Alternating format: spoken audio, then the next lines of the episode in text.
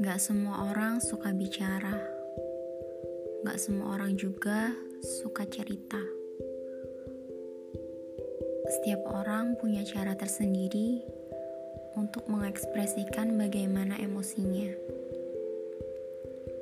Di sini, aku cuma pengen bercerita tanpa khawatir siapa yang akan mendengar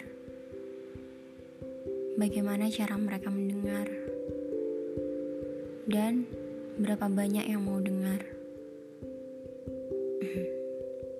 Semoga lepas ini aku bisa lebih percaya diri dalam mengekspresikan emosi aku.